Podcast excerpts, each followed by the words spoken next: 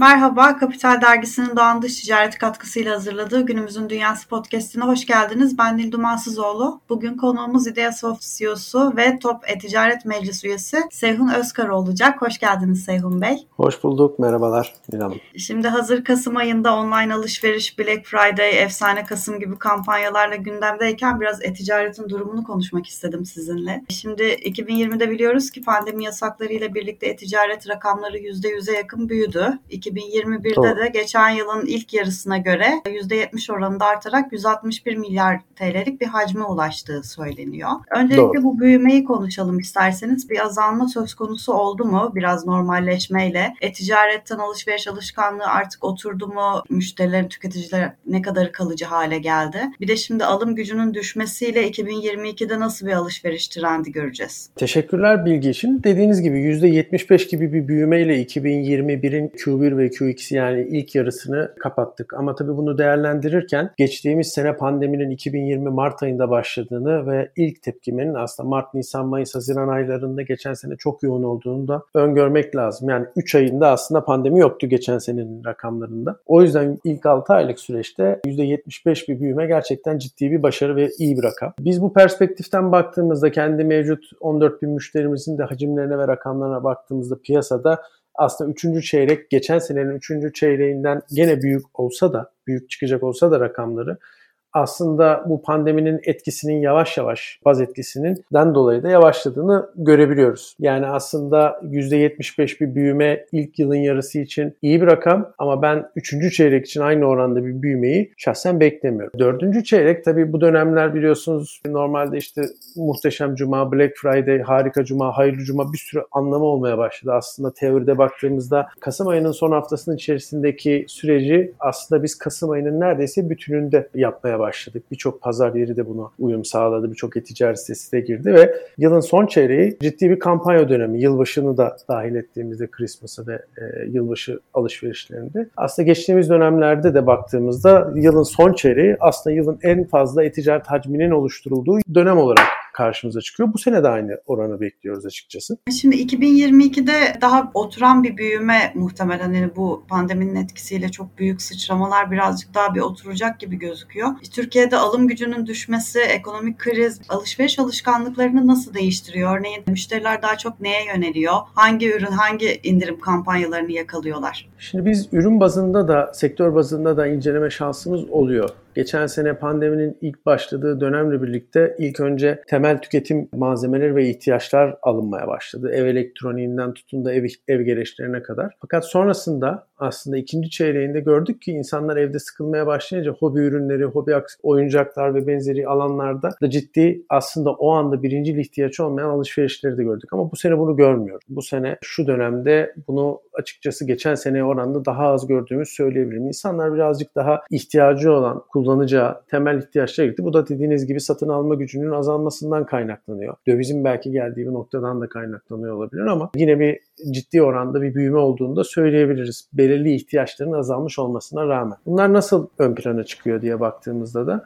şunları görüyoruz. Yani iki tip biz tüketici ayırıyoruz aslında gördüğümüz alışveriş alışkanlık. Bir tanesi kampanya, indirim ve benzeri bu özel dönemlerde aktif olarak bu dönemden faydalanmak için alışveriş yapan bir de daha önceden alışveriş alışkanlıklarına bağlı olarak almak istediği ürünleri belirli sitelerde inceleyip fiyatlarını not edip ya da screenshotlarını alıp görüntülerini kaydedip kampanya dönemlerinde bunu daha uygun maliyette alıp alamadığını kontrol ederek ondan sonra alan bir kitle. Bu ikisinin arasında ciddi bir alışveriş davranışı farkı var. Ama kümülatif olarak baktığımızda satın alma gücünün azalması alışveriş davranışına tabii ki olumsuz etki ediyor. Şimdi bu indirim dönemlerinden bahsetmişken şimdi e-ticareti insanlar eskiden beri genel olarak sevdikleri ürünlere indirimli fiyatlarla ulaşabildiği için tercih ediyordu. Ancak şimdi son zamanlarda bu kampanyaların inanılmaz artması, bütün seneye yayılan sizin de dediğiniz indirim kampanyaları biraz anlamını kaybetmiş gibi gözüküyor. Çok büyük vaatlerle duyurular yapılıyor ama fiyatların hatta indirim döneminden öncekinden daha yüksek olduğuna dair falan da böyle bir takım görüntüler görüyoruz. Bu da tüketici güvenini sarsıyor mu? Nasıl etki ediyor sektöre? Ya tabii ki tüketici güvenini sarsıyor. Bir sitede ya da bir firmada ayın her haftasında ya da yılın her ayında bir kampanya olması tüketicinin de bunun gerçekçiliğini sorgulamaya sebep oluyor. Bu da tabii doğal olarak etkiliyor. Fakat bu sene özelinde konuşacak olursak son 6 aylık süreç içerisinde dediğiniz fiyatların artışı insanların artık muhakeme anlamında da zorlandığını görüyoruz. Yani 4 ay önceki fiyatla kıyaslamaya çalışıyor ama dönem aynı değil. Enflasyon var. Dövizin hızlı artışına bağlı olarak eğer bu ürünler ithal ürünse veyahut da ithal girdilerle üretilen ürünlerse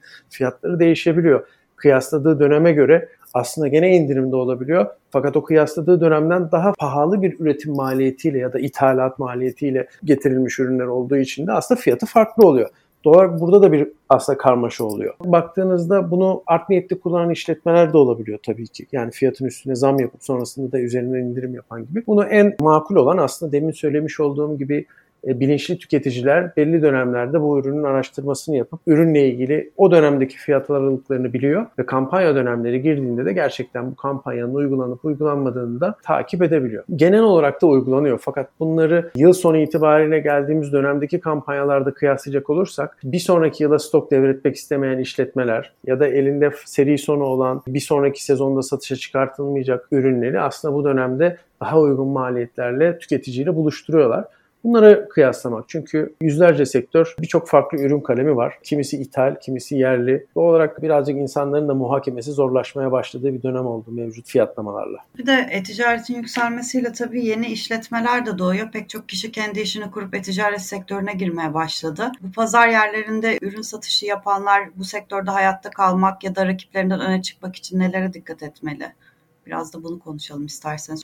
Doğru. Şimdi bu senenin ilk 6 ayının sonu itibariyle 300 bin plus yani 300 binin üzerinde işletme internetten satış yapıyor. Bunların büyük bir çoğunluğu pazar yerinde işte 25 bin tanesi kendi e-ticaret sitesinde, sosyal kanalları falan kümülatifte topladığımızda 300 bin işletmeden bahsediyoruz. E-ticaret bilgi sisteminde yayınlanan rakamlar bunlar. Şimdi bu 300 bin işletme biz bunu yıllardır işte top bünyesinde veyahut da Ideasoft bünyesinde tüm Türkiye'yi gezip fiziki olarak etkinliklerde dijitalleşmenin önemi ve internet üzerinden satışa başlamanın faydalarını ve bir ayağımızı da dijitalleştirmenin önemini anlatmıştık işletmelere. Tabii o dönemde çok fazla hızlı hareket edenler de oldu ama pandeminin kapanmasıyla bu işletme sayısı katlanarak arttı. Bizim her zaman önerdiğimiz işletmeler aslında şu Nilan. Kesinlikle yumurtaları hep aynı sepete koymamak. Çünkü sadece pazar yerinde satıyor olduğunuzda o ürünü sizden bir sonraki dönemde daha uygun fiyata satan birisi olduğunda sizin bütün satış kanalınız online'da kapanmış oluyor. Ya da sadece kendi e-ticaret sitenizde satmadığınızda, kendi e-ticaret sitenizde ve kendi markanızı büyütmek için bir yatırım yapmadığınızda o zaman pazar yerindeki fiyat rekabetine veyahut da o alana yeni giren işletmelerle devamlı bir fiyat rekabeti içerisinde kendinizi buluyorsunuz. Doğal olarak bizim her zaman anlattığımız kullanabildiğiniz kadar sosyal medya kanalı bunun içerisinde Instagram'dan tutun, YouTube videolarından tutun da Facebook'una kadar kullanabildiğiniz kadar pazar yeri, her ürününüzü her pazar yerinde satmak ve tümünü satmak zorunda değilsiniz. Ayrıştırabilirsiniz. Elinizde stoğu fazla olanları pazar yerinde satabilirsiniz. Yeni sezonları kendi e-ticaret sitenizde satabilirsiniz. Bazı dönemlerde bazı pazar yerlerinde, diğer dönemlerde farklı pazar yerlerinde satabilirsiniz. Doğal olarak farklılaştırmak, bütün yumurtaları aynı sepete koymamak, hem kendi e-ticaret sitenizden hem pazar yerinden hem sosyal kanalları kullanarak satış yapıyor olmak işletmelerin daha uzun süreli, daha uzun soluklu aslında bu alanda karlı bir modelle ilerlemesini sağlar. Biz her zaman bunu öneriyoruz. Şimdi tabii sektör bu kadar büyüyünce sorunlar da birlikte geliyor. Yani hem yeni sorunlar doğuyor hem var olanlar büyüyor. Bunlardan bir tanesi ve belki en önemlisi istihdam açığı. Sektörde en çok hangi pozisyonlarda istihdam ihtiyacı duyuyorsunuz ve bu pozisyonlar doldurulabiliyor mu? Bizim de yaralı olduğumuz bir alana değindiniz tabii ki.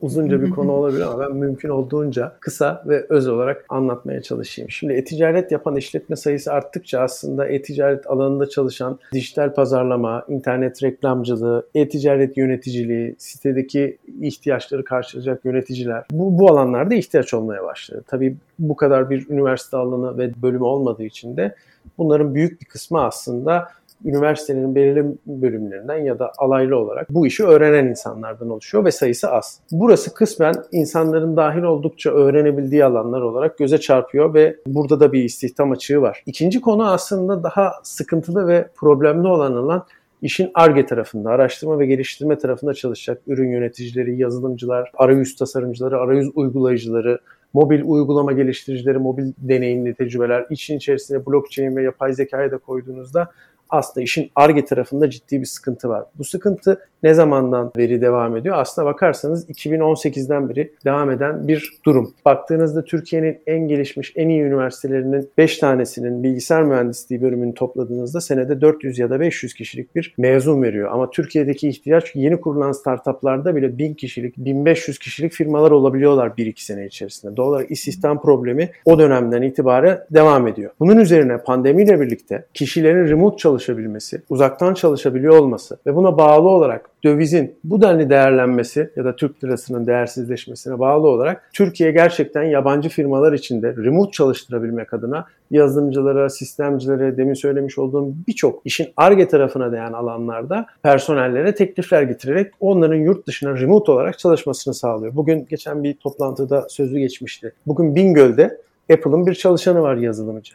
Doğal olarak bu noktaya gelen bir yapılanmanın içerisinde remote çalışmak kişiler için oldukça değerli olmaya başladı. Bu da Türkiye'deki içerideki firmalara hizmet sağlayan iş gücünün azalmasına sebep oldu. Bu da ister istemez maliyetleri ve bu alanda çalışanların rakamlarını piyasa şartlarının çok çok üzerine çek. Böyle bir problemi var şu anda. Her firma istediği personelle çalışamıyor ve gerçekten belli alanda işsizlik var diye söylenirken benim bugüne kadar istisnasız konuştuğum her yazılım firmasında bir yazılımcı açığı var. İstediği kadroları oluşturamıyorlar. Çıkartmak istediği ürünleri çıkartma ile ilgili problem yaşıyorlar. Şimdi bu beyin göçü özellikle gerçekten teknoloji işlerinde çok fazla. Sizin de dediğiniz gibi bugün İngiltere'de çalışmakla Türkiye'de çalışmak arasında mesleki açıdan hiçbir fark yok. Yurt dışına çıkmadan bile Doğru. zaten burada bulundukları yerde yabancı firmalara çalışıp dövizle maaşlarını alabiliyorlar. Bu da tabii ki Doğru. öncelikle Türkiye'deki ekonomik sorunlar gençleri başka yurt dışına yönlendiriyor diyebiliriz. Peki Türkiye'de yazılımcı sayısı da az. Sizin de dediğiniz gibi uzmanlaşmış kişileri de kaybediyoruz. Onları Türkiye'de nasıl tutabiliriz? Beyin göçünün önlenmesi için neler yapılabilir? Bu konuda sektörün, TOB'un bir takım çalışmaları var mı? Bu alanda net şu anda ortada bir çalışma var dersem doğru olmaz ama belli dönemlerde artık pandemi sebebiyle meclisin de bir toplanmasıkları ve temel problemli konuları arasına aslında bu girmiyor. Çünkü bunun için farklı TOB'un da birimleri var yazılım alanında da aynı zamanda meclisleri. Şimdi dediğiniz çok doğru. Beyin göçü. Eskiden insanlar fiziken insan göç ederdi orada çalışmaya. Şu an sadece beyin olarak göç ediyorlar. Bulunduğu ilde çalışıp İngiltere'ye, Almanya'ya, Amerika'ya, Avrupa ülkelerine hizmet veriyorlar. Şu anda ciddi tam anlamıyla bir beyin göçü diyebiliriz buna. Peki bunu nasıl önüne geçilebilir? Neler yapılabilir? Şimdi devletimizin çıkartmış olduğu 1 milyon yazılımcı projesi vardı. Yani beğenen olur, beğenmeyen olur. Ben başarılı buluyorum. Yani teknik olarak baktığınızda 1 milyon belki çok gerçekçi bir rakam gibi gözükmese de bir hedef konulmuş olsa da buraya biz 50 bin, 100 bin yazılımcıyı bile Türkiye'ye kazandırsak aslında birçok Türkiye'deki yazılım firmasının bugünkü problemi olmayacak.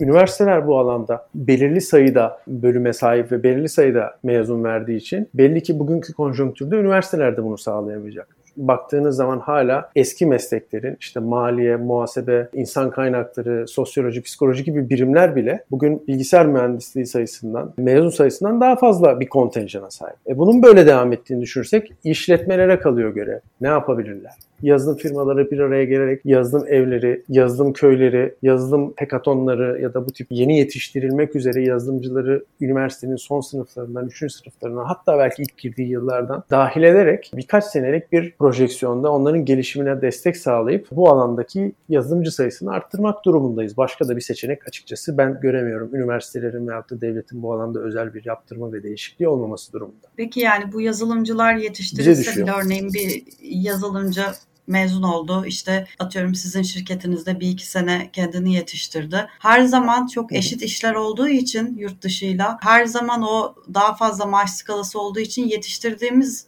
yetenekleri de kaybetmemiz söz konusu değil mi bu durumda? Katılıyorum. Çok doğru. Yani biz Ideasoft olarak aslında her sene ortalama 6 ila 8 yeni konuyla ilgili hiçbir bilgisi olmayan arkadaşı yetiştirip ekibimize dahil ediyoruz. Ve bu alanda da hep 5-6 tane arkadaşımız birkaç yıl sonra bizimle çalışmaya hep devam ediyor. Ama bugün baktığınızda dediğiniz çok doğru. Bu beyin göçü için hem maddi anlamda büyük imkanlar sunuyorlar hem de gitmelerine gerek. Önceden belki Türkiye'de çalışan bir yazılımcıya oranla orada euro bazında örnek veriyorum. 3000-5000 euro bandında bir maaş önermesi olduğunda e zaten kişi orada ödeyeceği kirayı onu bunu hesapladığı zaman Ve buradaki hayat şartlarını düşününce işte ailesinin, çocuğunu, çocuğunun okul yapısını falan bunlara kolay kolay hareket edemiyorlardı ve Türkiye'de devam ediyorlardı. Ama bugün gitmelerine gerek yok. Türkiye şartlarında yaşayıp yurt dışı standartlarında da gelir elde edebiliyorlar. Bu da tabii ki Türkiye'deki birçok firmanın yurt içi gelirleri olduğu için bunu sağlayamıyor oluyor. Bundan sonrası pandemiden sonra remote çalışma dönemiyle birlikte daha zor ve sıkıntılı olacak gibi gözüküyor. Peki Seyhun Bey çok teşekkür ediyorum katıldığınız için. Ben çok teşekkür ederim.